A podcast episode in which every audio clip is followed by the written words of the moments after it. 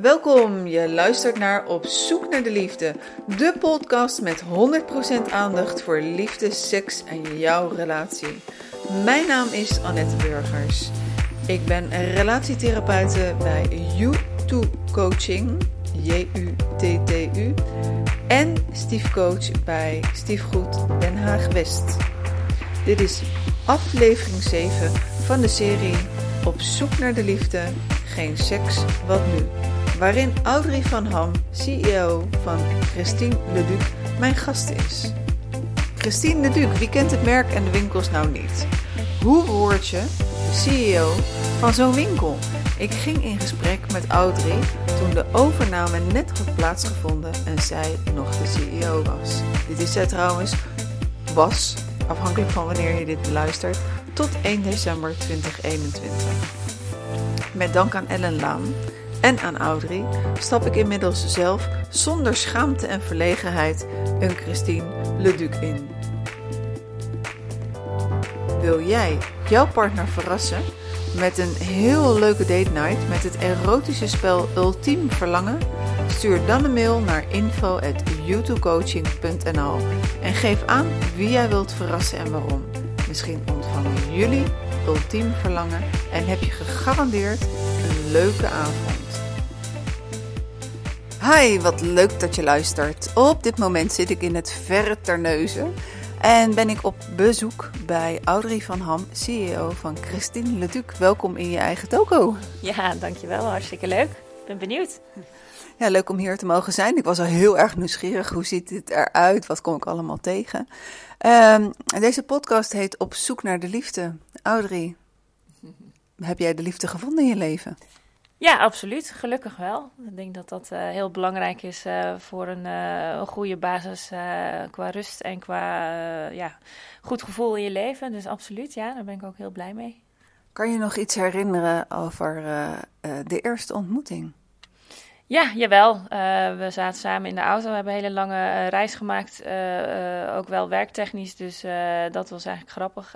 Um, goed gesprek gehad en dat viel dan op. En dan tien jaar elkaar niet gezien of gehoord. En dan toch weer elkaar teruggezien daarna. Dus dat was mooi. En, en wat trekt je aan? Uh, in hem of in het algemeen? Ja, ja in, in hem.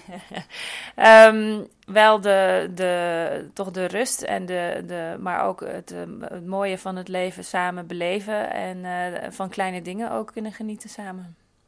En, en was dat al vanaf het begin? Kijk, um, in, in deze serie vraag ik ook iedereen: hè, van wat was je de. Wat, wat triggerde in het begin? En dan is het vaak een combinatie van iets van het uiterlijk en iets van het innerlijk. En ergens krijg ik wel het vermoeden dat in ieder geval de vrouwen die ik interview, dat, dat wel van als een man uh, ergens voor staat en de vragen stelt die een andere man niet stelt, dat dat wel indruk maakt. Is dat voor jou herkenbaar? Ja, ik denk het wel. Dat eerste gesprek was sowieso uh, uh, een soort connectie die je dan voelt. Uh, en dus dat gesprek ook blijft dan toch in je hoofd. En, en de, de connectie was daar toen al. En dat zijn inderdaad gesprekken die je dan niet altijd hebt. Dus dat, dat valt natuurlijk op. En um, ja, ik denk ook dat we dat nog steeds goed kunnen. En dat is heel belangrijk, denk ik, als je elkaar goed kan aanvoelen, maar ook gewoon goed kan babbelen over dingen. En dat je inderdaad ook een bepaalde view op het leven hebt um, die uitdagend is en die je voor jezelf kan uitstippelen, maar dat je wel samen kan groeien, bijvoorbeeld. Dat is ook wel heel belangrijk, denk ik. En hoe lang kennen jullie elkaar nu al, zeg maar, dat je een relatie hebt? tien jaar tien jaar. We zitten nu in 21. Uh, en uh, waar werkte u toen? Werkte u toen al bij de Pabo? Ja, ja, ja, dus wij waren collega's. Ja. Oké, okay, dus hij schrok niet meer van het, van het feit van... oh, dit is een dame die in de seksindustrie op een bepaalde manier werkt? Nee, nee, nee. Hij heeft ook een, een behoorlijke carrière gemaakt in dezelfde business. Dus op zich was dat gelijkaardig. Ja, nee, maar dat een, dat een andere man daar weer nog wel van zou kunnen schrikken. Van, oh jee... ja, nou? ja, ja, of apart op kunnen reageren, absoluut. Nou, niet uh, in de regio bij ons, want daar was uh, het bedrijf toen destijds Pabo uh, natuurlijk heel gekend en groot. Dus dat was eigenlijk hetzelfde als Neckerman destijds, was ook in de buurt. Dus ja, voor de lokale mensen is dat dan geen issue, maar voor andere mensen misschien wel, ja, dat klopt. Ja, want jij bent bij uh, Neckerman begonnen. En als ik, het, als ik me goed ingelezen heb, weet ik natuurlijk niet of dat helemaal klopt. Dan, uh, dan attendeerde je oma jou op een, op een advertentievacature bij, bij de Pabo. Kan je daar iets over vertellen? Ja, dat klopt. Ja, mijn omaatje Zaliger, ze leeft helaas niet meer. Maar um, zij zei toen, ik heb een textielopleiding gedaan en zij zei toen tegen mij, joh, um, uh, zou je niet eens kijken naar dit? Want dit zag ik in de krant staan. Er was een vacature voor lingerie-inkoop uh, bij Pabo. En inderdaad, ik zat destijds bij Neckerman, maar ik kocht een dekbed overtrekken en handdoeken in. Dus dat was niet zo heel spannend. Dus zij zei, goh, dat is misschien wel iets voor ons ouderen. En uh, zo is het gekomen, ja. En toen zei jouw oma dat tegen jou en toen dacht jij... Ja, absoluut. Ja, ja, ik zag die vacature en ik denk, oh ja, wauw, dat is wel meer in de richting uh, die ik zelf uh, uh, ambieerde. En sowieso, ik had natuurlijk ook die textiel fashion opleiding gedaan. Dus het was voor mij sowieso wel de bedoeling om die richting op te gaan. Dus dit kwam absoluut goed op mijn pad. Ja, zeker. En textiel fashion, is het dan een stukje ontwerp of wat moet ik mij die opleiding voorstellen?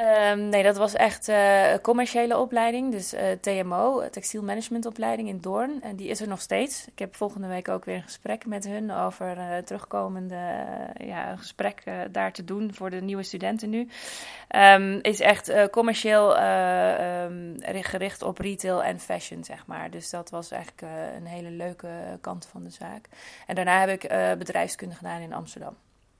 En was er dan een, een dag waarop jij dacht van... hé, hey, dat lijkt me wel een leuke opleiding, want die lingerie... Uh, ja, wat maakt het voor jou zo betekenisvol en zo mooi? Die opleiding was voornamelijk, ik heb uh, toch gedacht van wat wil ik doen. En ik vond fashionkant mode altijd al aanspreken. Dat was destijds niet in mijn hoofd dat ik dan lingerie kant op zou gaan of zo. Uh, maar wel, uh, ja, gewoon toch de trends, de kleuren, de dingen, maar ook de stoffen en, en collectioneren. Maar ook het commerciële deel daaraan vast. Dus dat was eigenlijk wel de reden voor mij om daarvoor te kiezen toen. -hmm. En betekent dit nou ook dat jij uh, elke dag uitgebreid voor je kast staat? En uh, welk setje mooie lingerie ga ik nu vandaag aandoen? Lingerie, ja, is belangrijk. En dat is natuurlijk een basis. Uh, ik zag een mooie reclame dat dat eigenlijk is de basis voor elke outfit moet dat zijn voor een vrouw, denk ik. Ik denk dat daar relatief weinig over nagedacht wordt in Nederland. Andere landen zijn er wat verder in, zoals Frankrijk en, en dat soort landen, denk ik. Maar ja, het is wel een belangrijke basis om je goed te voelen en zelfverzekerd te voelen. Tenminste, dat is wel hoe ik het zie. En dat het daarnaast ook nog mooi moet zijn, dat is natuurlijk een cadeautje. Dus absoluut, ja. En goed moet zitten? Ja, absoluut. Ja, ja, zeker. Dus dat bedoel ik ook met uh, een basis voor je goed te voelen. Denk ik is ook dat, uh, dat alles goed zit en dat je daar niet over uh, moet twijfelen. Dus dat je daar ook blij van wordt of kan worden. Ja, inderdaad. En ik, ik denk, uh, ik ben 56 nu, hoe oud ben jij? Ik word uh, 44 in oktober. Oh jee. Oh, jee. Ja, mijn maand is ook oktober. Maar ik denk dat het nog wel een ding van mijn generatie is. Ehm, dat wij, uh, ik moet zeggen, dat heb ik zelf niet. Maar dat we wel denken van, oké, als we een date hebben of we hebben een afspraak met een man, dan moeten we leuke lingerie aan. Terwijl ik hoop, en ook wel zie bij de wat jongeren uh, dat het meer is gewoon een lekker een leuk setje kopen en je er zelf helemaal happy in voelen. Of je nou iemand ontmoet, of je nou je kleren uitdoet, ja of nee, maar dat het gewoon voor jezelf een lekker gevoel is. Ja, absoluut. En dat hebben we eigenlijk ook wel gezien. Dat zie je eigenlijk steeds meer. Je ziet ook dat de jonge generatie uh, bodies bijvoorbeeld of mooie kanten dingen ook gebruikt als bovenkleding zelfs. Dus die mix komt ook heel erg terug. Dus dat vind ik natuurlijk super om te zien. Plus daarnaast denk ik dat het goed is inderdaad voor jezelf. En je zag wel in die coronatijd bijvoorbeeld dat heel veel vrouwen heel veel lingerie bij ons kochten. En dat is dan per definitie niet altijd in een relatie bedoeld. Zeker niet. Dus dat is eigenlijk een mooie ontwikkeling vind ik. Ja, precies. Hè? Dus uh, uh, deze serie heeft natuurlijk ook geen seks, wat nu? Uh, wat ertoe bijdraagt om jezelf beter te voelen, is in eerste instantie ook van om er voor jezelf ook goed uit te zien. Ja. Ja, absoluut. Dus dat is een soort compleet plaatje. We zien natuurlijk nu vaak uh, sexual wellness als thema bovenkomen. Je ziet ook grotere warehouses zoals Hema, ook maar Bijenkorf, die richting gaan natuurlijk ook heel erg op dat stuk zitten toch wel. Dus het taboe gaat zo langzaamaan wel weg. En ik denk dat dat ook komt omdat er steeds meer vrouwen zich daarmee bezighouden. met de, de wellness rond seks en erotiek. Dus dat die lijn wordt minder getrokken. Dus je wordt minder in een, een hoek geduwd als je het over die branche hebt. ik vind dat een hele goede ontwikkeling, omdat het onderdeel is van hoe je jezelf voelt. En als je jezelf goed voelt, heb je ook een beter seksleven. Bijvoorbeeld, daar ben ik absoluut van overtuigd. Alleen niet iedereen is daar zich bewust van of bewust mee bezig. Maar ik denk wel, naarmate je meer dingen daarover ziet en hoort en leest, dat dat wel iets triggert en over na, dat je daarover na gaat denken. Dat is wel positief, vind ik. Op de schaal van 0 tot 10, hoe groot zie, heb jij het, misschien door onderzoek of dat je het idee hebt, hoe groot is het taboe nog? En dan is 0 is helemaal geen taboe en 10 is nog gigantisch. Waar zitten we in Nederland voor jouw gevoel? Ja, de ene dag denk ik, uh, het gaat goed en het is geen taboe meer, dus het valt allemaal mee en we geven elkaar een acht. De andere dag krijg ik toch wel weer redelijk platte stukken in de media te lezen, ofwel over ons, ofwel over überhaupt dingen. En dan denk ik, ja jeetje jongens, we zijn er echt nog lang niet. En je ziet ook wel, uh, denk ik, de discussie over tegenwoordig ook wel over jongeren en hoe zij um, een seksuele carrière opbouwen. Is toch vaak dat je natuurlijk dat ze tegenkomen online en veel richting de porno dingen zien. En dat dat, maar dat is natuurlijk niet het echte leven.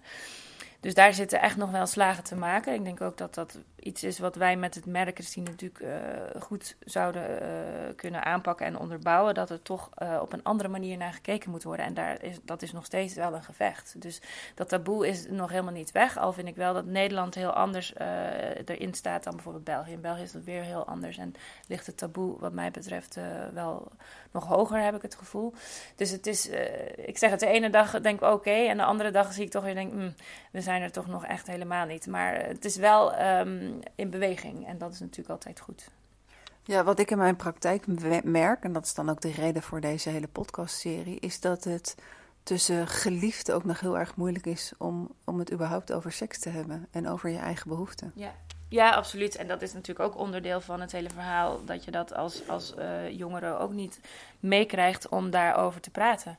Dus het begint al, denk ik, in, uh, in een vrij vroeg stadium. Dat je op school uh, misschien wel seksuele opvoeding krijgt, maar niet praat over wat leuk is of wat goed is of wat iemand anders uh, fijn vindt. Dat, dat, dat zit er helemaal niet in. En dat is toch nog een beschamend iets om, om je daar blijkbaar mee bezig te houden. Terwijl je ziet, als je het wel doet, heb je een, een veel mooiere basis om samen verder daar ook in te groeien, denk ik. Hoe ben jij voorgelicht? Ja, gewoon klassiek uh, op school uh, en biologieles en heel erg standaard allemaal. Um, wat op zich, waar niks mis mee is, maar wat ik wel zie en wat wij proberen te doen nu bijvoorbeeld met Christine Duke is wel workshops ook voor jongeren, voor studenten doen we dat dan in de, in de introductieweken. Dat je wel met die gasten gaat praten en dat je daarover uh, vragen stelt en dat je daarover een quizje doet en dat het wel leuk is, maar dat het ook leerzaam is. En, en dat wordt wel heel erg gewaardeerd, komt altijd wel goed aan. Dus in die zin vind ik vanuit wat ik heb meegemaakt en hoe ik het zie, denk ik dat we daarin inderdaad nog een slag kunnen maken. Dus dat vind ik wel leuk. Ja, vanuit het onderwijs kan ik dat uh, absoluut uh, toevoegen. Uh, of beamelen, zou ik zeggen. Ehm, ik had een vraag en ik wilde je me eigenlijk verderop stellen. Maar we hebben het er nu over. Met al jouw ervaring die je hebt met je werk bij, bij Pabel en bij Christine Leduc. Stel, er zijn nu de, de, verkiezingen die zijn al lang geweest. Er is nog geen kabinet. Als dit uitgezonden wordt, dan mag ik hopen dat er wel een kabinet is. Maar stel, jij wordt gevraagd voor het uh, ministerie van de Liefde. Wat zou jij je eerste honderd dagen echt serieus gaan aanpakken?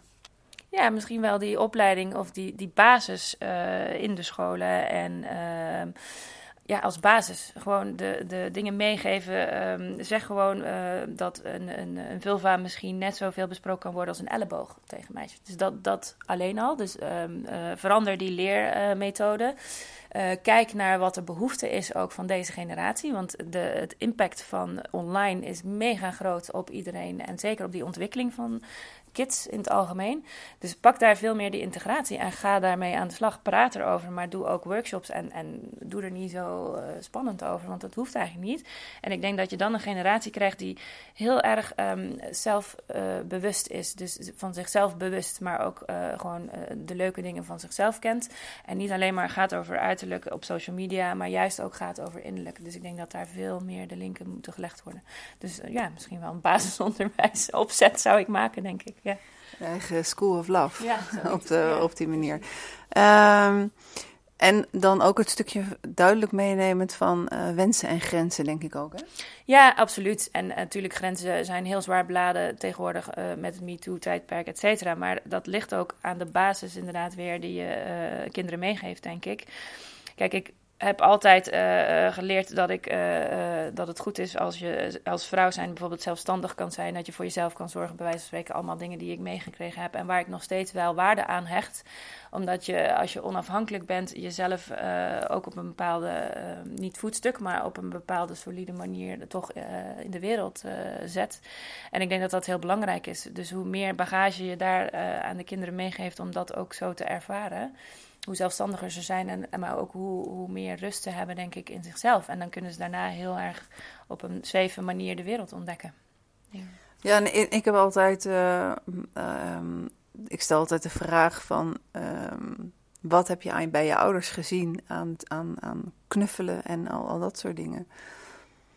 En het verwondert me dat, dat kinderen dat zeg maar, van een bepaalde generatie ook niet gezien hebben. Dat dat wel steeds meer gebeurt. Maar wij als ouders hebben daar natuurlijk echt superveel te doen. Ja, absoluut. En dat is natuurlijk ook iets wat uh, niet overal hetzelfde is. En niet alle personen zijn hetzelfde. En dat is natuurlijk ook zo. Aan de andere kant, als ik persoonlijk kijk naar mezelf, heb ik een prachtige jeugd gehad. En heb ik dat wel gelukkig allemaal geleerd en meegekregen. En dat is voor mij heel waardevol. Maar goed, dat is ook omdat ik persoonlijk meer misschien een gevoelsmens ben en daar ook echt behoefte aan heb. Je hebt natuurlijk ook andere types mensen die daar anders mee omgaan. Dus ik denk dat dat iedereen voor zich moet bepalen. Uh, maar ja, het bepaalt natuurlijk wel mede je, je joy in life. Dus mhm. dat is wel belangrijk dat je daarover weet hoe je in elkaar zit. Ja. Ja, jullie hebben onderzoek gedaan naar uh, hoe, uh, hoe koppels uh, de coronatijd zijn doorgekomen. Kan je daar iets over delen? Ja, ja, dat was uh, uh, een soort onderzoek in fases. Dus we hebben natuurlijk verschillende fases in die coronatijd gehad. En een eerste lockdown-fase um, was iedereen even met stomheid geslagen, denk ik, inclusief wij allemaal.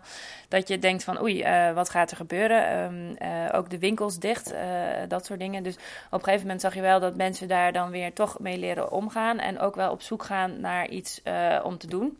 Dus horeca is dicht, vakanties kunnen niet, eh, je kan niet weg. Dus uh, kwamen ze toch ook veelal bij ons uit. Nou, hartstikke positief natuurlijk dat die uh, online shop zo goed ging. En er kwamen ook wel heel veel vragen van mensen. Dus we hadden inderdaad zo'n raad- en daadlijn opgesteld toen destijds. Van, met mensen die bij ons in de winkels werkten.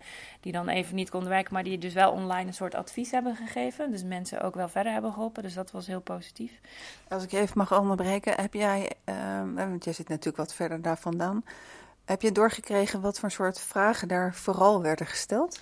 Ja, mensen waren toch op zoek. Uh, sommige dingen, mensen als, als basis die dus nog nooit bij ons waren geweest. Dus die echt zeiden van nou, ik weet niet wat ik nodig heb, maar ik wil wel iets uh, proberen. Dus kun je me daarbij helpen? Dus mooi dat je dan niet tien pagina's van artikelen door moet als je niet precies weet wat je wil. Maar ook specifiekere vragen van, nou ja, de kinderen zijn heel veel thuis nu. Uh, hoe kun je ons adviseren welke spulletjes we daarbij uh, anders kunnen doen dan, uh, dan normaal? Dus mensen waren echt wel op zoek naar een, iets nieuws. En dat was natuurlijk eigenlijk heel leuk voor ons, want wij hebben natuurlijk wel echt ja, goed advies kunnen geven. En mensen dan toch ook weer verder kunnen helpen in die lastige tijd, want dat was het natuurlijk wel. Maar de oplossing van de kinderen zijn zo heel veel thuis. Hoe gaan we hiermee om? Dat is natuurlijk, was natuurlijk een heel lastige. Ja, precies. Ja, goed. Je hebt daar natuurlijk allerlei. Uh, tegenwoordig uh, heb je heel veel technieken in apparaatjes zitten. die dus ook op afstand bedienbaar zijn. Die heel, heel stil zijn. Of ja, waar je toch uh, op een andere manier mee aan de slag kan. Dus daar zijn heel veel mogelijkheden in. En die hebben we ook allemaal doorgelopen. En wat je ook kan doen, natuurlijk zijn er ook spelletjes wat spannender zijn, zoals de kids naar bed zijn, et cetera. Dus ja, er is altijd wel een manier te bedenken om elkaar uh, natuurlijk te entertainen. En dat uh, kan ook beginnen met lingerie, dus dat zit heel breed in het scala natuurlijk. Ja. ja, je hebt ze niet allemaal naar buiten gestuurd van ga maar een ommetje lopen. nee, nee, nee. Ook al is dat misschien soms ook niet verkeerd geweest, maar... Ja, lekker, uh, lekker seks in de, in, in de natuur. Ehm, het, het stukje van... Um, ja, dit waren dan eigenlijk al koppels die er bereid waren om iets aan te doen. Mhm. Uh, want het is best wel lastig als uh, er binnen een relatie verschillende behoeften zijn. Ja, absoluut. En daar heb ik het ook over gehad met ehm, eh, meerdere mensen. En dat zie je ook terug. En dat zie je waarschijnlijk bij jou in de praktijk ook terug.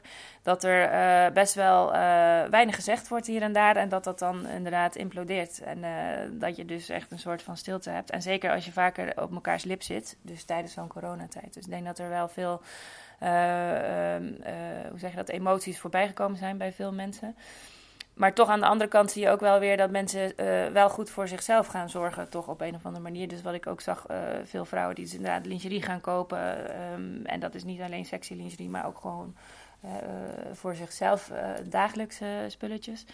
Ik denk ook dat het goed is dat mensen toch ook in zichzelf gaan zien van oké, waar heb ik behoefte aan en wat vind ik fijn. En dan wel dat ook bespreken met die partner. Want je moet op een gegeven moment wel, als je natuurlijk zoveel thuis bent. Dus ik denk wel dat daar een verandering in gekomen is voor een deel van de mensen. Ja. Ja, en ik hoop dat het andere deel uh, ook op gang komt. Want uh, uh, seks is wel een belangrijk onderdeel voor een relatie, voor velen. En bij mij wordt dan altijd gevraagd van ja, wat is normaal? Ik zeg ja, het maakt mij echt niet uit wat voor jullie normaal is, als het maar een gedeelde normaalheid is, zeg maar. Dat je allebei daar oké mee bent. En niet dat jij niet eerlijk bent naar jezelf, maar dat je zegt van nou, ik, ik ben maar oké, het, is, het is goed zoals het gaat. Terwijl het eigenlijk niet oké is, want dan kom je op een glijdende schaal terecht. En dat gebeurt ook nog wel vaak. Ja, precies. Wij zien eigenlijk uh, natuurlijk mensen van 18 tot uh, 85 uh, in de winkels ook. En daarin zie je natuurlijk ook heel veel verschillende behoeftes. En niet iedereen heeft dezelfde seksuele carrière op hetzelfde moment. Hè. De een begint later en de ander eerder.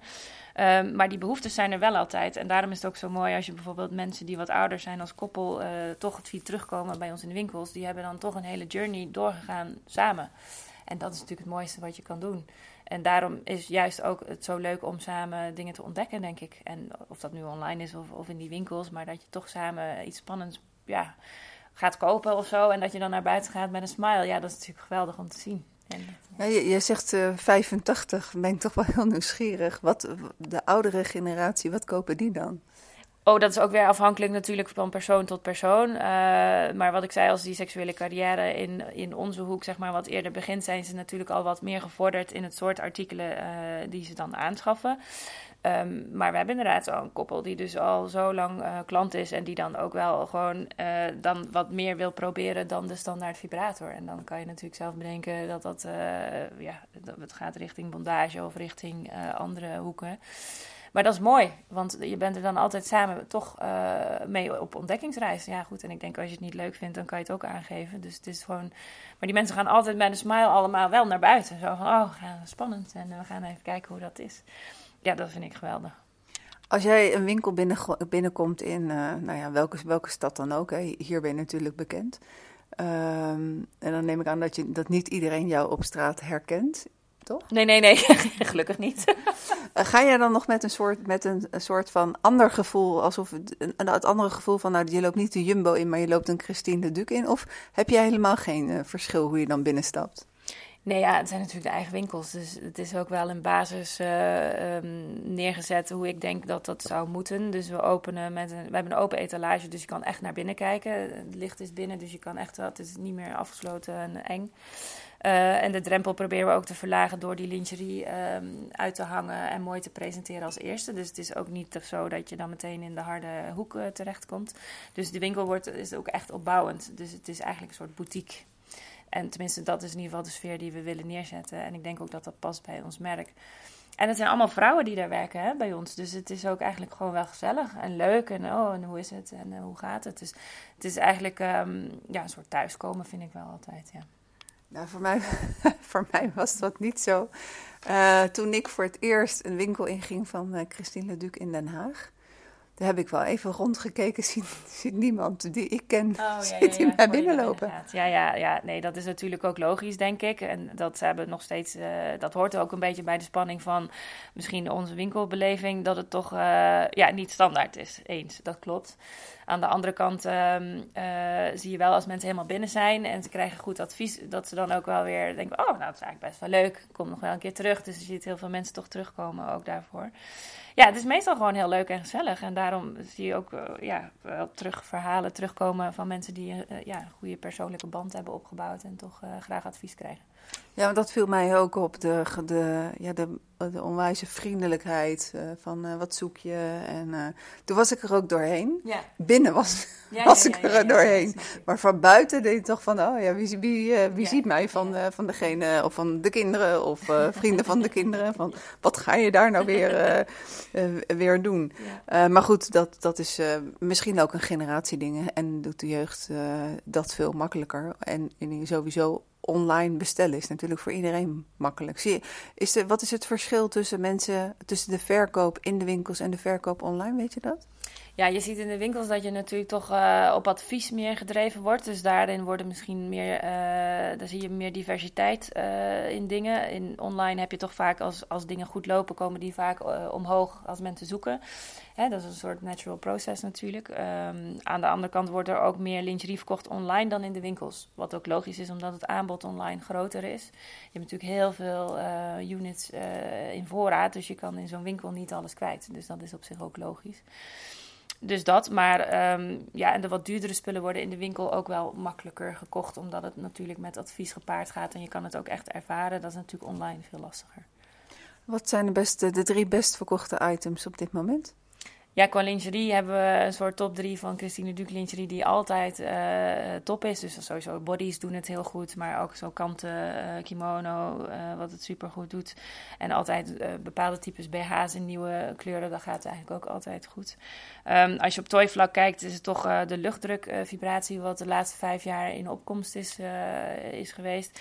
Kan je uitleggen hoe die werkt? Ja, dat is een vibrator ehm, die werkt op luchtdruk. Ehm, dus het is een soort mondje wat zuigt ehm, en vibreert eh, door middel van luchtdruk. Eh, dus dat is een hele andere eh, setting. Dat is ook niet voor penetratie geschikt. Maar is wel, eh, zoals het eh, vakjargon zegt, een orgasmekanon. Dus het is ook echt wel voor vrouwen eh, en door vrouwen gemaakt. Is een bepaalde techniek die, die dus echt heel goed werkt. En waar de meeste vrouwen toch echt wel een garantie hebben om het hoogtepunt te bereiken. Dus dat is in onze branche de laatste vijf jaar wel de meest opzienbarende trend en vernieuwing geweest. En dan zie je ook in de verkopen zie je dat ook terug. Dus die moet ook wel in elke slaap of en, bezit zijn van elke vrouw. Ja, misschien wel, eh, omdat je dan zelf kan bepalen hoe en wat. En dat is natuurlijk prachtig. Eh, daarnaast heb je natuurlijk toch altijd nog een aantal toys die ook gebruikt kunnen gebruikt worden als partner, een koppelplay. En dat vind ik ook altijd wel belangrijk. Want als je natuurlijk alleen maar op jezelf gefocust bent, ja, dat is leuk. Maar dat kan ook wel eens een bedreiging vormen, zeg maar, voor de tegenpartij of voor de eh, wederhelft.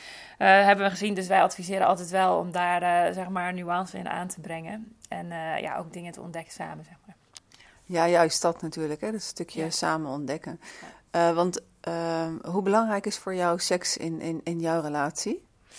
Ja, dat is een hele persoonlijke vraag. Ja, dat is natuurlijk sowieso belangrijk. En ook omdat je eh, er veel over leest en veel mee bezig bent, is het natuurlijk wel een vaste waarde die je zeg maar, moet koesteren en waar je mee bezig moet zijn. En dat is wel, ja, je zit natuurlijk wel eh, hele dagen, kijk je ernaar. Dus is het ook wel gewoon belangrijk dat dat goed zit. Dus je bent er meer misschien mee bezig dan iemand anders zou zijn. Ja. Ja, herkenbaar. Ik ben ook heel erg bezig met de communicatie eh, Ja. binnen, binnen, mij, eh, binnen onze relatie. En eh, daar let je dan op. Tegelijkertijd weten we natuurlijk ook dat bij de loodgieter het, dek lak, het dak lekt. en bij de schoenmaker kinderen op, op gaten lopen in, in hun schoenen.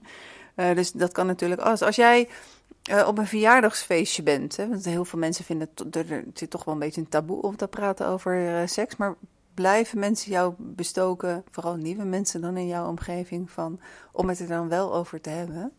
Ja, maar niet over mij persoonlijk, meer over de business dan. En eh, over het algemeen vinden vrouwen het echt super interessant. Dus ik heb, ik, ja, heb altijd genoeg te vertellen, inderdaad, vaak op feestjes. Eh, mensen vragen veel. Maar ik vind dat ook wel leuk, want uiteindelijk is het ondertussen uitgegroeid, denk ik, tot een merk, Christine Duc, wat eh, er mag zijn. En ook niet meer weggestopt moet worden van oei, ik werk daar. En ik denk ook de minuut dat ik beschaamd ben om te zeggen wat ik doe, moet ik er ook mee stoppen. En ik heb nog steeds eh, het gevoel dat dat niet zo is. En eh, ook wel een bepaalde missie om, eh, om daar een bepaalde openheid in te brengen. En ik denk dat dat in Nederland al een heel eind gelukt is.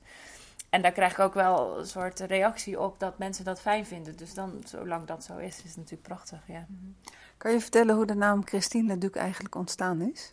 ja zeker. Dat was eh 53 jaar geleden is het opgericht door Hans Hartog. Ehm, eh, Hans Hartog betekent Le Duc in het Frans. En zijn vrouw heette Tine, dus Christine. Dus vandaar eigenlijk de naam. En zij hebben toen destijds op de Wallen waren de eerste winkels. Toen was het nog uh, taboe en mocht het nog niet verkocht worden. Dus het was echt onder de toonbank. Maar zij zijn eigenlijk al snel, toen het allemaal uh, mocht en kon, uh, naar de normale winkelstraten gegaan. En daarom is Christine natuurlijk ook zo groot geworden qua naam. Omdat je vroeger eigenlijk in elke winkelstraat naast een Hema en een Kruidvat had je gewoon een Christine Duc winkel. En dat heeft ook mede bijgedragen aan, het, ja, aan de naamsbekendheid, maar ook aan het taboe doorbrekende, denk ik. Toen al. Mm ja.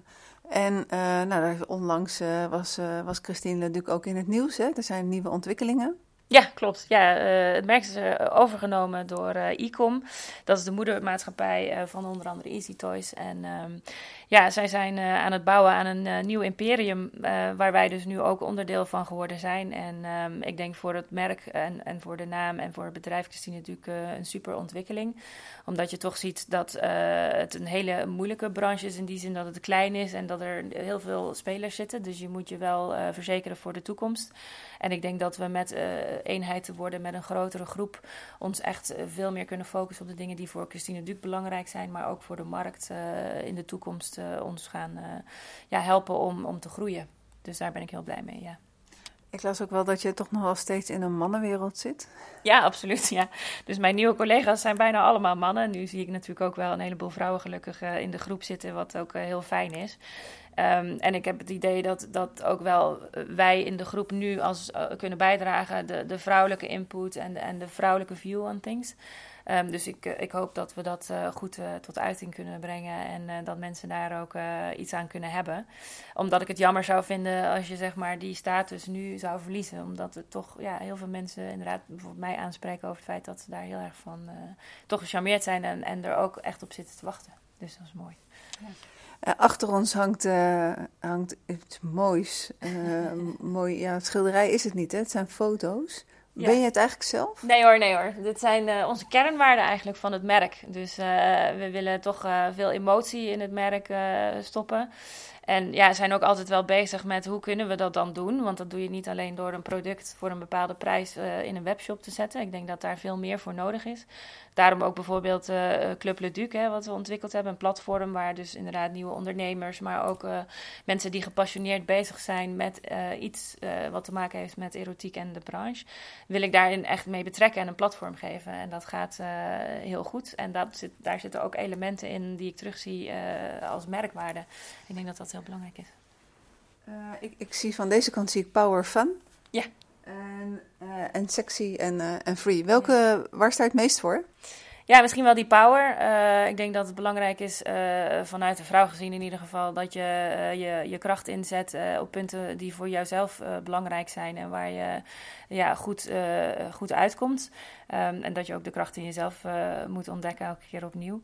Um, en dat is misschien ook wel een kernwaarde voor het merk. Uh, dus dat je de kracht in erotiek ziet en, en de seksuele um, expressie die je zelf uh, verder brengt eigenlijk. En die link is wel te leggen. Ja, ik denk ook wel dat de link te leggen is naar jouw, uh, naar jouw hobby of naar, ik weet niet hoe je het zelf noemt, maar het, het autoracen. Ja, precies. Ja, dat, ja, ook dat is natuurlijk een mannenwereld. Uh, los van dat um, uh, is dat geen, geen, geen doel op zich. Uh, autoracen heb ik altijd gedaan en heb ik van mijn vader meegekregen. Die dat ook altijd deed en we deden dat altijd samen. En ik vind dat een van de mooiste sporten die er is voor mij. In ieder geval omdat daar heel veel emotie in zit, maar ook heel veel... Um, ja, je moet toch heel precies zijn daarin. techniek is belangrijk en ook jezelf kunnen in toom houden om een goed resultaat te bereiken, zal ik zeggen. En daar heb ik ook heel veel aan gehad richting mijn business uh, carrière. Dus er zijn altijd dingen, bijvoorbeeld in sport, die je dus dingen leren. En, en ook dat je niet bang moet zijn om ervoor te gaan. Ook al was het soms in de condities, als je een, in het nat moet racen, bijvoorbeeld een natte race, is, is heel erg enerverend, zullen we zeggen.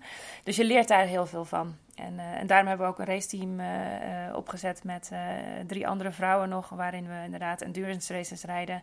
En ook uh, die kracht juist uh, tot uiting willen brengen. Ja. Mooi. Uh, heb je gisteren gekeken naar de, naar de race in Italië? Ja, heb ik gezien. Vond ik uh, alweer een hele andere race dan uh, vorig weekend, waar we ook waren in Zandvoort. Dat was natuurlijk prachtig op de home track. Maar ja, Formule 1 is, is mega hip and happening nu. En ik denk dat dat ook bijdraagt aan, aan de hele autosport van Nederland. Dus dat is mooi om te zien. En natuurlijk gebeurt er van alles in zo'n strijd, maar dat is ook leuk. Als jij scheidsrechter was geweest, wat had je dan ja, ik had het een race incident genoemd. Maar goed, uh, ja, dat is altijd lastig. En spelen waarschijnlijk ook grotere belangen overal. Maar um, zolang er geraced kan worden en, uh, en het is spannend, vind ik het prachtig. Als we nou het even weer heel teruggaan naar, naar een heel klein stukje van degene die luisteren, luisteraars van deze podcast. En um, ja, die, die hebben wat problemen in de seksuele relatie. Ze durven nog niet echt naar de winkel te gaan. Ehm, dan kunnen ze in ieder geval de, de raad- en daadlijn uh, bellen. Ja, kan sowieso. Kan ook via WhatsApp. Dus het kan allemaal, uh, zeg maar, anoniem. Je kan ook een mailtje sturen altijd. Dus het is altijd voor ons de bedoeling om iedereen uh, in eerste instantie op het gemak te stellen. En in tweede instantie toch ook ja, verder te triggeren om ja, eens verder te kijken dan, dan wat er nu is. En ik denk ook dat dat dus, wat we net ook al zeiden, goed is voor iemand als persoon. Als je daar wel voor open staat. Kijk, als dat niet zo is, dan is dat ook prima. Um, maar er zijn een heleboel leuke, mooie dingen te ontdekken. En dat hoeft niet alleen op producten zijn, maar dat kan ook op ervaring zijn of op uh, dingen die je wil weten. Dus het is gewoon heel breed. En daar zijn we absoluut uh, staan we daar beschikbaar voor. Ik had op een gegeven moment uh, kwam ik uh, in, in aanraking met een, met een seksuologe. En die had een spel gemaakt. Dus toen ging ik iets over het spel zoeken. En toen kwam ik zelf uit bij het spel Ultiem Verlangen van mm -hmm. Tease and Please. En toen uh, zei ik tegen mijn vriend: Oh, ik heb, uh, we gaan om te kijken of ik het uh, kan aanbevelen aan cliënten. Gaan we het eerst zelf kopen en gaan we het zelf spelen. Nou, we hebben een hele leuke avond gehad. En daarna nog een, want dat spelletje was niet in één avond uitgespeeld. dat, duurde hartstikke lang. En zeker daarna nog met, met een uitbreidingsset. probeer jij alles uit? Goh, wij hebben natuurlijk zoveel producten dat je denkt, nou, uh, waar, zal, waar zullen we beginnen? Nee, dus dat kan niet. Um, maar het is wel zo dat we wel, uh, dus en in de winkels hebben natuurlijk al die dames daar. Uh, we hebben daarnaast hier een heel team ook. Dus ik vind het wel belangrijk dat er dingen inderdaad um, geprobeerd worden. En dat doen we ook bewust. En daarnaast hebben we natuurlijk ook nog een aantal testers, zeg maar, vrouwen die het leuk vinden om dingen voor ons te testen en te reviewen omdat ik vind dat het ook belangrijk is voor ons als basis. Kijk, dingen die niet goed zijn, moeten wij niet verkopen. Ik wil echt wel een bepaalde basis hebben van kwaliteit, maar ook qua. Ja, het, het moet geen brol zijn, zeg maar. Dat past eigenlijk niet. Dus uh, ik vind het wel belangrijk dat het iets is, uh, het product, wat, wat iemand verder zou kunnen helpen of waar mensen tevreden over zijn. Dus we, doen daar wel een, een screening over, absoluut, ja. En ik, hoor je ook wel zeggen, behalve dat. Uh, en dat jullie natuurlijk je geld verdienen door, uh, door omzet te maken en dingen te verkopen. Uh, dat er ook wel een stuk, ja, sociaal is misschien niet helemaal het goede woord, maar wel, of misschien juist wel, maar dat je echt een sociale inzet hebt van uh, dat, dat stukje op de kaart brengen, het, het stukje uh, het voor vrouwen leuker maken en in alle huiskamers de seks leuker maken. Uh, en, um, en, en daarin iets meegeven als zijnde het merk Christine Leduc van je mag jezelf zijn en koop leuke kleren. Klopt dat? Ja, absoluut. En de grap is eigenlijk ook dat we dat niet allemaal zelf bedenken, maar dat er ook heel veel uh, mensen naar ons toe komen met goede ideeën, wat ik al zei, maar ook vanuit bepaalde uh, hoeken. Dus ook vanuit bijvoorbeeld ziekenhuizen krijgen wij aanvragen om advies te geven als mensen dat nodig hebben. Dus dan nadat ze een operatie hebben gehad of een bepaalde behandeling hebben gehad, dat ze dan niet doorgestuurd worden naar zomaar een online shop, maar echt naar ons zelf, zodat we die mensen ook kunnen begeleiden. En dat is denk ik ook het mooie van ons uh, als, als, als kern, dat je daar wel voor bij ons terecht kan. En dat is natuurlijk niet zomaar een product met een prijsje en kijk maar hoe het loopt. Nee, dat is echt, uh, oké, wat heb je meegemaakt en waar is de behoefte en kunnen we je daarin voorzien? En als dat het dan niet is, dan hebben we misschien nog wel iets anders. Dus dat is echt een journey die je met die mensen maakt. En dat is een heel ander verhaal dan dat je maar gewoon online uh, duizend vibrators hebt staan en puur voor de omzet gaat. Dat denk ik wel. Uh, interessant, want uh, nou, deze serie heet uh, Geen seks, wat nu? Maar mijn volgende serie is Kanker, wat nu? Ja. Omdat kanker in een relatie ontzettend ja. veel, veel teweeg brengt. Dus dat, dat zijn ook vragen die je krijgt van bestralingen of hoe... Ja, precies. Dus we hebben inderdaad contact met ziekenhuizen als Erasmus in Rotterdam, maar ook in Eindhoven hebben we contacten gehad. En daarmee echt uh, met de verpleegkundigen die dus het hele traject met die mensen mee doormaken. Maar dan ook zeggen, op een bepaald moment willen we mensen weer terug richting de gewoon, het gewone leven uh, begeleiden. En ook uh, in de seksualiteit, zeg maar. En daar zijn wel hulpmiddelen voor nodig. Alleen de vraag is wat dan precies. En dat weten zij ook natuurlijk niet altijd. Dus we hebben natuurlijk bij ons de dames in de winkels zijn zo getraind en weten zo goed hoe en wat, dat zij daar ook in advies kunnen geven. Dus daarin uh, stellen we pakketten samen, we stellen uh, infodocumenten uh, samen, zodat mensen daar ook op een laagdrempelige manier mee in aanraking komen. Want niet iedereen zit erop te wachten in zo'n proces. Aan de andere kant misschien ook juist wel. Dus het moet ook toegankelijk zijn voor mensen eh, om daar iets over te kunnen vragen. En daarmee zijn ze in de ziekenhuizen ook weer heel blij, omdat ze inderdaad, zij moeten afhaken op een bepaald punt, wat logisch is, want niet iedereen heeft die inhoudelijke kennis. Dus dat zijn mooie links die we kunnen maken. Dat is voor ons natuurlijk uh, mooi om, om te doen. En, en we zijn daar ook vaak mee onderweg. Stichting Olijf hebben we ook veel mee samengewerkt, dat soort dingen. Dus dat is echt daarop op gericht, ja. Mooi, dat wist ik niet eens. Zijn er nog meer dingen die ik helemaal niet weet van de richtingen van uh, Christine Leduc, wat jullie allemaal doen? Ja, um, nou ja, misschien weet je het wel of ook niet. We hebben de huishoudbeurs, doen we, ja, die is nu even niet geweest door corona, maar dat doen we al 15 jaar. En daarin, uh, ik zag laatst in, in Kijk Mama een blad ook weer een stuk over iemand die dus bij ons was geweest op de huishoudbeurs, een cursus, een workshop had gevolgd en daarmee heel content was in haar relatie. Um, dus je ziet toch uh, dat de, de events en de één op één contact, dus niet alleen in de winkels, maar ook echt op events waar mensen natuurlijk veel bij elkaar komen, uh, dat dat leuk is. Een huishoudbeurs zie je bijvoorbeeld dat je echt drie generaties aan de tafel krijgt. Dus echt moeder, dochter, uh, oma, zeg maar. En die is heel open ook om info vragen, maar ook die workshops meedoen en echt heel veel plezier daaraan beleven. En dan ook terugkomen en zeggen, goh, dat was echt super, had ik dat maar eerder geweten.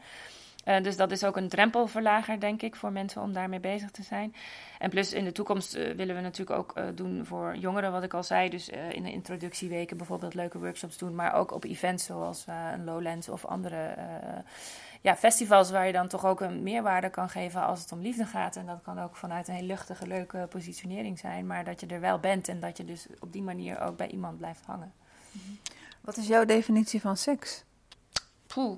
Um, iets wat je uh, beleeft uh, in je leven waar hoogtepunten uh, bij horen en waar je echt een heleboel energie van krijgt, denk ik. En waar je um, wat je altijd kan doen um, en wat je altijd bij je draagt. En het kan alleen maar mooier worden door je leven heen. Dus iets heel moois. Ja, dat is inderdaad echt een super, super definitie. Ik, ik krijg er ook al zin van. waar sta jij persoonlijk over tien jaar? Uh, nou, ik moet zeggen dat ik momenteel uh, heel blij ben uh, met het leven wat ik nu heb. Dus ik hoop dat ik dat eh, heel lang zo mag doordoen. ik heb een mooie baan. ik, kan doen, kan het doen op de manier waarop ik het zelf zie. Dus dat is ook met hart en ziel, denk ik. Ik denk dat dat heel belangrijk is voor mij. En plus daarnaast in privé ook een super mooi leven. Dus die combinatie is super.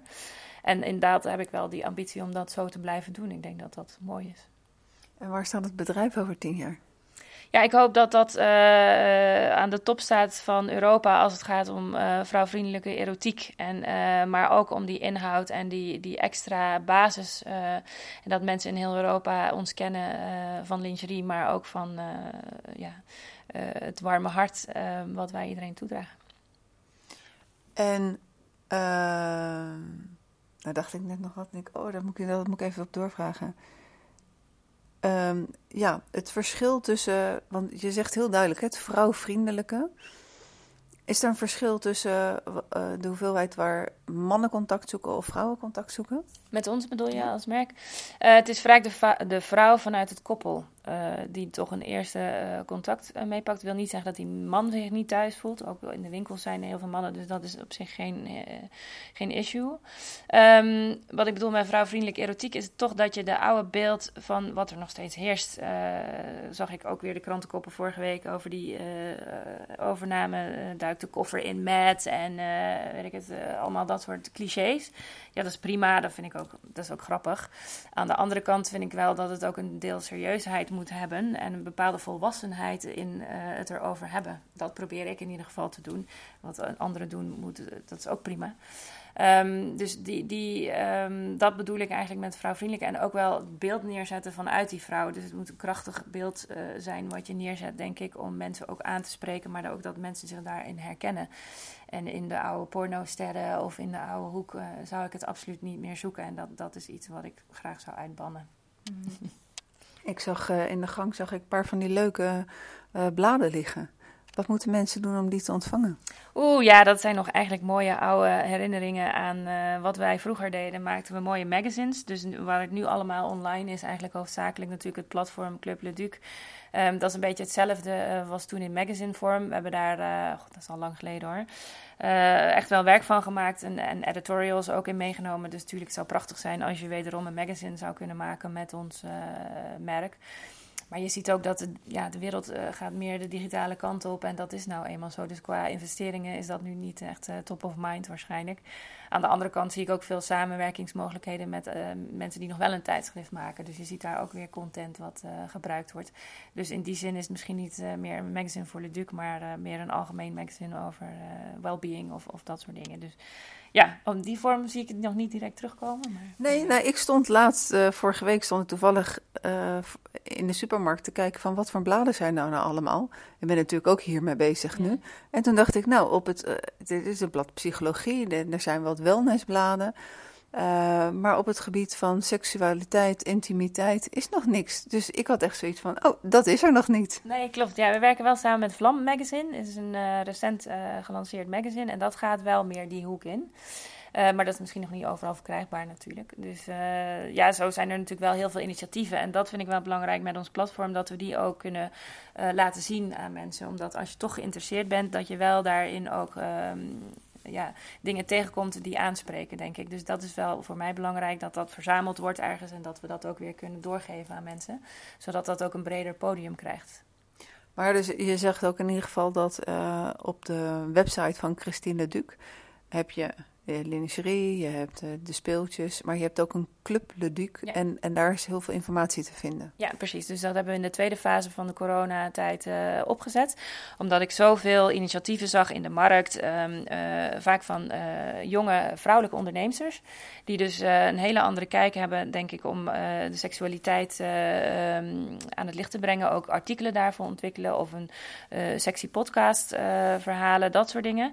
En je ziet dat dat helemaal een nieuwe generatie is. Ja, ik vind dat geweldig. Um, dus ik wil dat graag ook meenemen in ons uh, verhaal. Zodat je mensen niet alleen uh, producten voorschotelt, maar juist ook verhalen en juist ook nieuwe trends en ontwikkelingen. Zodat je mee bent in wat er in die wereld gebeurt. En er is natuurlijk heel veel aan de hand in het sexual well-being uh, stuk. Producten, maar inderdaad ook andere dingen. Dus ik vind dat belangrijk om dat mee te nemen op ons platform. Ja, zeker. Ja, wat ik merk uh, bij de jeugd is dat men ook wel heel erg veel aan het zoeken is. En ik had vorige week, want ik sta nog twee dagen voor de klas, had toevallig met een kennismaking met een klas. En uh, ik weet eigenlijk niet eens meer wat de vraag was, maar dat meisje gaf aan dat ze een vriendin had. En waarop een andere vraag, uh, iemand de vraag stelde van, goh, ben jij lesbisch? En toen kwam er een heel mooi gesprek van... nee, ik, ik val niet op jongens, niet op meisjes... maar ik val gewoon op een persoon. En al die namen die dat dan weer had... had ik ook even zoiets van... oh ja, e-, even bij de les blijven juf... want dit heeft dan weer allemaal namen.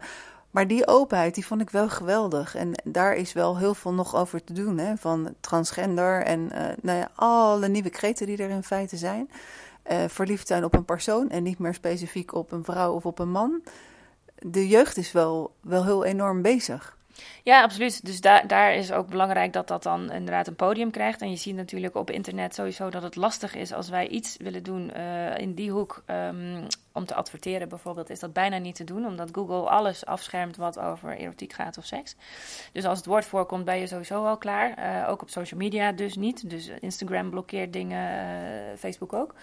Um, en ook juist daarom had ik zoiets, nou dan doe ik het wel zelf op het eigen platform. Daar kunnen wij zeggen wat we willen en tegen wie, hè, de, de groep mensen die dat dan ook interessant vindt. Dus dat is gewoon een eigen medium ondertussen geworden om dingen toch te ventileren. Omdat het zo belangrijk is om het wel te doen. Ja, die uitdaging heb ik ook. Ja, nu met geen seks, wat nu? Om te ja. kijken van uh, hoe, gaan we dit, uh, hoe gaan we dit promoten? En uh, ik denk dat ik oproepjes erin moet denken van... Nou, ja. LinkedIn houdt het tegen. Alsjeblieft, like het en deel het. En op die manier. Audrey, Uh, welke vraag heb ik je nog niet gesteld en zou jij op mijn plek wel nog stellen? Uh, dat is een hele goede vraag. Nou, ik denk dat je eigenlijk al heel veel gehad hebt. Um, ik zou het niet direct weten eigenlijk. Ja, um, nee. Heb je nog tips voor mij? Nee, nee, ik denk dat we het, hetzelfde hebben. En het, het, stukje onderwijs neem ik zeker ook nog mee. Ik, ik mag het mooie vak persoonsvorming geven. En met een collega hebben we ook naar aanleiding van een incident, na, ook weer door de coronatijd, dat heel veel jongens en meisjes toch gek werden thuis. Dat ze weer terugkwamen en dat daar wat, uh, ja, wat, wat grenzen eh, gepasseerd werden die niet gewaardeerd werden door wat meisjes. Hebben we zeker uh, ons voorgenomen om dit jaar daar aandacht aan te besteden. Dus in die zin ben ik ook heel, ben ik zelf aan het kijken op de markt van wat voor een voorlichtingsmateriaal is er om, om goed met de meisjes en de jongens te bespreken. En uh, op jouw advies heb ik ook Abele Kluwer uh, in het rijtje zitten met de podcast. Daar ook over gehad. En ook over het stukje van jongens, die moeten dan toch het gesprek aangaan met een man. Mm Want er zit toch wel wat schroom tussen als die dan uh, met een vrouw zouden praten. Dus ik ga daar dit schooljaar mee aan de slag. Maar mochten jullie nog wat op de markt brengen hiervoor, dan hou ik me zeer zeker aanbevolen. Ja, leuk. Ja, nee, we kunnen ook dingen uh, natuurlijk samen ontwikkelen. Dus wat ik zei, bij ons zit er, uh, zit er zoveel ervaring bij onze mensen. En dus als daar dingen zijn waarvan je zegt, nou ja, ik weet niet goed hoe we dat moeten behandelen, dan kunnen we dat zeker doen. Plus daarnaast, wij blijven altijd die workshops ook verder ontwikkelen. En ook op specifieke doelgroepen, zoals jongeren. Dus dat is absoluut een mooie ontwikkeling, denk ik. Nou, dan wil ik je danken voor je tijd en uh, voor uh, het delen van al je kennis en, uh, en voor deze podcast. Ja, superleuk. Dankjewel. Jij ook. Ik hoop dat het veel beluisterd wordt. ik ook. En voor de luisteraar en voor de kijker, dankjewel voor het luisteren. Dankjewel voor het kijken. Over twee weken is weer de volgende aflevering van Op zoek naar de liefde. Geen seks. Wat nu? En vergeet de power en de fun niet. Wanneer jij en je partner de duivelse dialogen Zoek de boef de protestpolka en of de verstijf- en vluchtvariant. Dit zijn patronen in de communicatie.